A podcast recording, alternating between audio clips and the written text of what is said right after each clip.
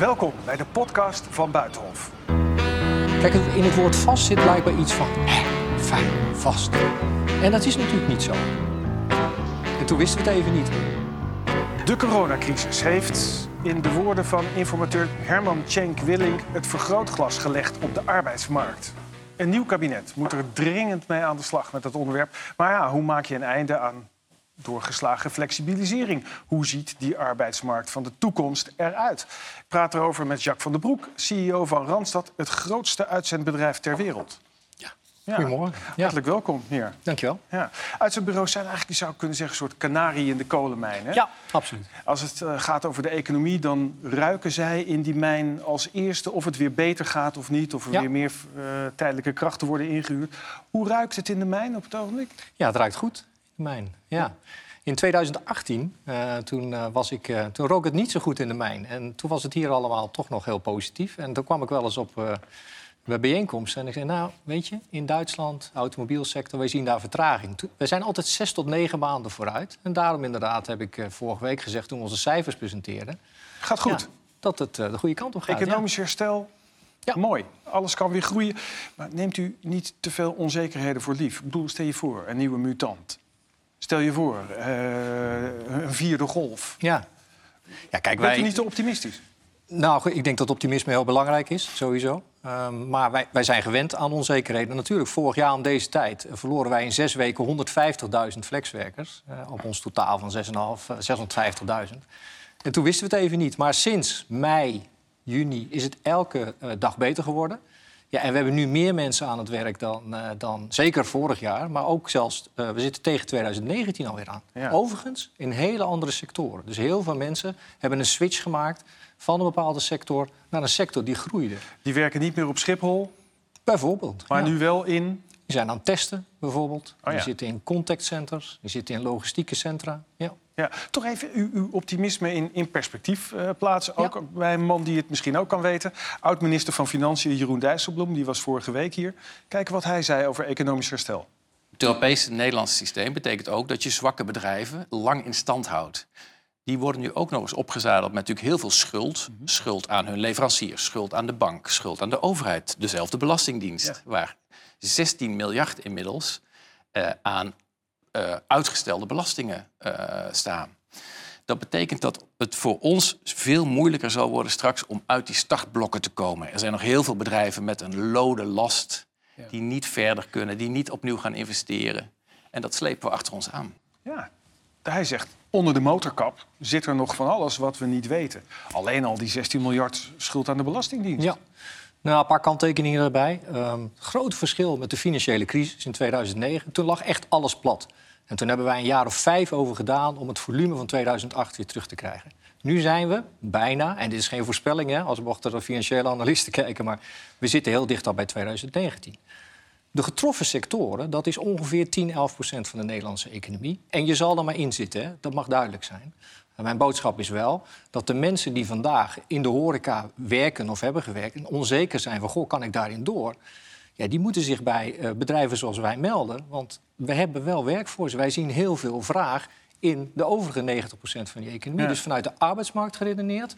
Ja, ligt COVID toch achter ons. En goed, vanuit, daar zegt u, daar ziet u nieuw perspectief. Nou, met uw bedrijf gaat het ook heel goed, zei u net. Hoeveel miljoenen euro steun heeft u eigenlijk ontvangen als Randstad, binnen Ja, dat- en buitenland? Ja, dat is een eh, groot eh, misverstand overigens. eh, ehm, in Nederland, het grootste deel, overgrote deel, was steun voor uitzendkrachten. Nou, top. Hè? Uitzendkrachten hebben 90% van hun loon doorbetaald gekregen Ja. in Nederland. Wij vulden dat aan uit eigen zak met 10%. Eh, dus ja, dat heeft ons per saldo, even puur vanuit hè, winst of zo, heeft dat niks opgeleverd. Nee, maar u heeft in Nederland, als ik het goed heb, 18 miljoen, kleine 18 miljoen euro steun gekregen. En wereldwijd heeft u 45 miljoen euro Ja, steun zoiets. gekregen. Ja, Zoiets ja. toch? Ja. Gaat u dat, nu het weer zo goed gaat met het bedrijf, terugbetalen?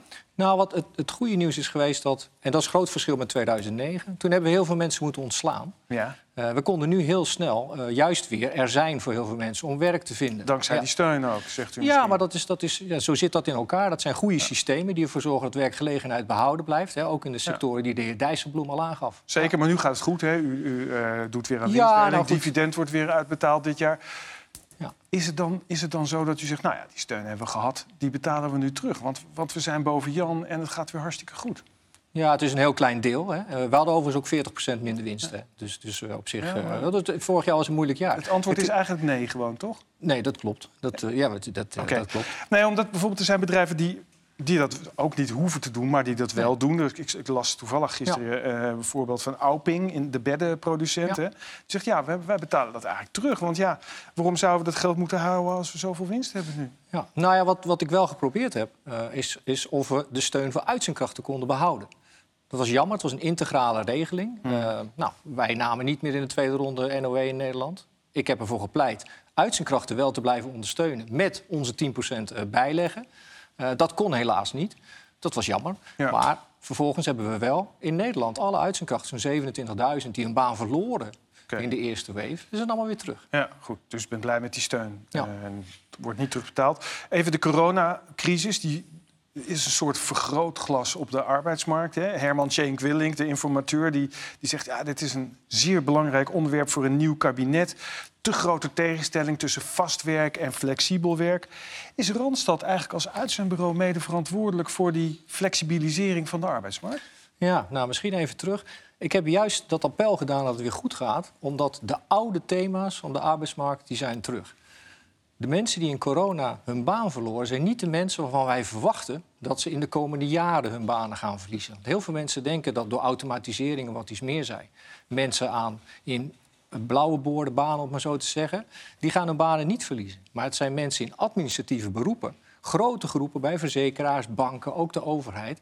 En daar wilde ik een appel op doen van... goh, we moeten die arbeidsmarkt eh, aanpakken. Want anders gaan we een situatie krijgen... dat we aan de ene kant heel veel vraag hebben op de arbeidsmarkt. Want we gaan mensen tekort komen.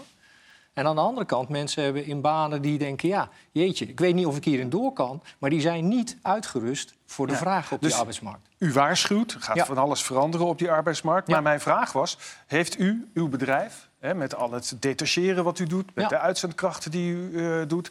met payrolling, al die varianten wat eh, Randstad wereldwijd doet... heeft u daarmee niet ook bijgedragen juist enorm... aan die flexibilisering van de arbeidsmarkt? Ja, nou kijk, eh, de vraag is niet vast flex. Hè. We hebben het heel vaak nou, over vast flex. eigenlijk even wel. Nou, nee, toch niet.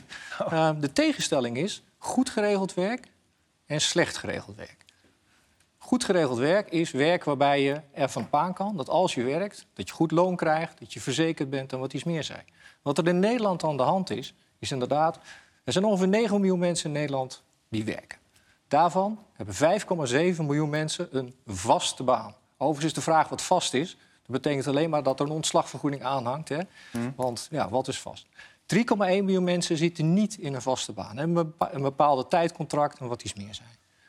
Er zitten ongeveer 1,1 miljoen mensen in de gig-economie, in platformwerk. Ja. En dat is over het algemeen ongeveer 300.000, 400.000 mensen hebben slecht geregeld werk. Dat betekent dat hun beloning niet vaststaat, is niet gebaseerd op het CAO, ze zijn niet verzekerd. En daar zit het probleem, zegt u. Juist. Bij- Dat hebben wij toegelaten. Slechte geregelde, Ja. flexibele werk. Ja. Couriers die voor een te laag loon, Juist. onverzekerd, Ja. door de stad rijden. Klopt. Laten we even kijken wat u zegt. De tegenstelling is niet vast flex, Nee. maar de tegenstelling is goed geregeld, slecht geregeld. Juist. Hoe de uitzendkracht, de werknemer, dat zelf ervaart. Ehm BNNVARA had onlangs het programma Scheefroeien in de polder. Jeroen Pauw, daarin was Challing te gast, uitzendkracht van Randstad. Kijk. En die werkt dan bij Philips. En over eh, het functioneren van de uitzendbureaus, uw uitzendbureau, zegt hij dit. Eh, werklozen die helpen wij weer aan een baan. Ja, dat doen ze over het algemeen wel, maar eh, dat is meestal tijdelijk werk. Eh, je hebt de meest onzekere periode, de eerste anderhalf jaar, en dan kan het elke dag afgelopen zijn. Nou, daarna komt nog een periode van maximaal vier jaar dat het wat meer zekerheid geeft. En daarna zou het uitzendbureau je eigenlijk vast moeten aannemen. Ja, dat gebeurt eigenlijk niet. Wa- Wat jou eigenlijk, als ik jou goed begrijp, wat, jou, wat, wat zich wreekt bij jou, is de onzekerheid als je naar de toekomst kijkt. In zekere zin wel. Zekerheid heb je sowieso niet, eh, of krijg je niet. Hij werkt, Challing werkt jarenlang voor Philips. Ja. Maar ja, altijd op tijdelijke basis. En hij baalt ervan dat hij die zekerheid niet krijgt. Dat kunt u zich vast wel voorstellen. Ja, daarin zit je natuurlijk met het spanningsveld dat eh, het bedrijfsleven, de maatschappij, heeft flexibiliteit nodig. Je kan niet een bedrijf runnen met iedereen onbepaalde tijd, vol tijd op contract. Dus dat is een spanningsveld wat je goed, zo goed mogelijk probeert te organiseren. Het is wel zo dat Challing goed betaald krijgt. We gaan met hem in gesprek over zijn perspectief. Wat hij zegt is overigens iets heel belangrijks. En dat is onafhankelijk van of je als uitzendkracht werkt. Onzekerheid over de toekomst is een heel breed gedragen emotie bij een groot deel van Ja, de. Ja, Dat nee, geloof ik zeker. Maar het punt voor hem is dat hij geen hypotheek krijgt. Het punt voor hem is dat hij misschien, eh, ik weet niet of dat in zijn geval zo is, kinderen zou Nee. willen hebben, een gezin zou willen stichten. Ja. En dat hij dat niet doet, Hij- omdat zijn inkomen en zijn eh, arbeidscontract onzeker is. Challing kan, nee, dat is niet helemaal waar. Wij hebben ons als Randstad een jaar of vijf druk gemaakt... eh, om wel hypotheken te kunnen regelen voor mensen met een flexibele baan. We noemen dat de perspectiefverklaring. Wij kunnen aantonen dat iemand zoals Challing... vanuit wat hij kan, een toekomst heeft op de arbeidsmarkt... en die kan een hypotheek krijgen. Dus dat is het goede nieuws. Ja. Maar ja, nogmaals, nee, maar serieus. Ja. We moeten terug naar die onzekerheid. Er zijn heel veel mensen die hebben een vaste baan bij een bank, bij een verzekeraar... en die weten niet of zij in die baan hun pensioen wel kunnen halen. En dat is een heel belangrijk aspect. Los van hoe het contract eruit ziet op basis waarvan je werkt. En daar pleiten wij voor dat we moeten verschuiven van de baan naar werk. Als je werkt, moet je toegang hebben tot sociale zekerheid... hypotheek kunnen krijgen, pensioenen op kunnen bouwen.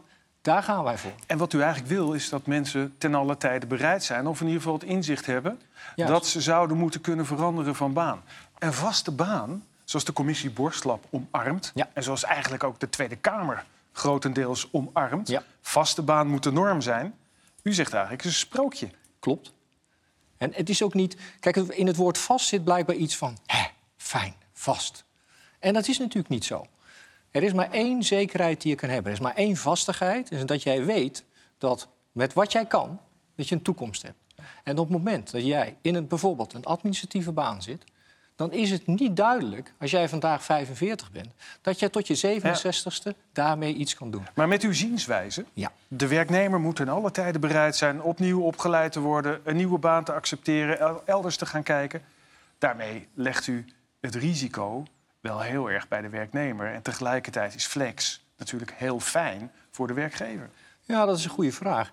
Ik leg het zeker niet alleen bij de werknemer, maar terecht dat je het opbrengt. Want we hebben daar recent onderzoek naar gedaan. We hebben mensen gevraagd van wie is er verantwoordelijk voor jouw loopbaan? Wie is er verantwoordelijk voor jouw toekomst en voor jouw zekerheid? 70% van de mensen zegt dat is ofwel de overheid of mijn werkgever. En dat is niet zo. Uiteindelijk is er maar één iemand verantwoordelijk voor zijn toekomst en dat ben je zelf. Ja. We moeten wel een maatschappij inrichten waarin werkgevers zeg maar, zich verantwoordelijk voelen, maar niet verantwoordelijk om iemand tot aan zijn pensioen te werk te stellen, maar zich verantwoordelijk te voelen voor het equiperen van iemand in een baan als deze baan ophoudt. Ja. En werkgevers zijn daartoe bereid. En wat is in dit alles, in die totaal flexibele arbeidsmarkt van de toekomst, naar uw idee, eigenlijk de rol van Randstad? Nou, het is, ik ga van aan, we gaan mensen tekortkomen. Hè, wij hebben het afgelopen jaar 300.000 mensen opgeleid. Ja. Dus wat wij doen, wat wij nu aan het inrichten zijn... is een profiel van elke medewerker die er bij Randstad werkzaam is. Dus u heeft een schat aan data. Dat hebben wij. Ja. Ja. En u wilt eigenlijk misschien wel een soort loopbaanadviesbureau voor, voor iedereen worden, of niet? Ja, dus wat wij nu, onze ambitie is het dat wij voor iedereen die dat wil, wij denken dat het wereldwijd tussen de 2 en 300 miljoen mensen zullen zijn, daar kunnen wij een aparte Randstad-omgeving voor inrichten. Ja. Je kunt daar elke keer naartoe gaan op het moment dat je onzeker bent over, goh, ik zit nu in deze baan, wat zou ik eens moeten doen? Wil je uiteindelijk met iemand van ons praten, kun je jezelf direct inplannen. Is uw plan dan niet eigenlijk een beetje... hoe houden we de BV Randstad gaande?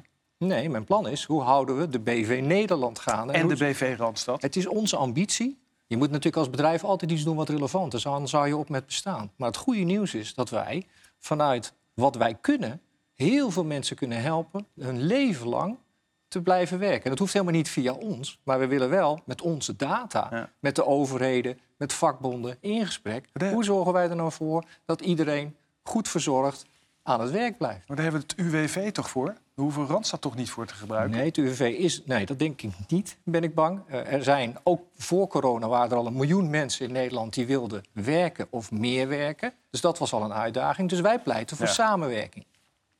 Vaste baan, in de toekomst, schijnwerkelijkheid, zegt u, schijnvast. Hoe lang werkt u eigenlijk al bij Randstad? 33 jaar. Ja, ik heb een vierjaarscontract, dus volgend jaar wordt het weer spannend, want dan loopt het contract af. Nou Als men ontevreden is over mij, dan is het klaar. Oké, en anders redt u het ook wel, denk ik. Goed, heel hartelijk dank. Jacques van den Broek, CEO van Randstad.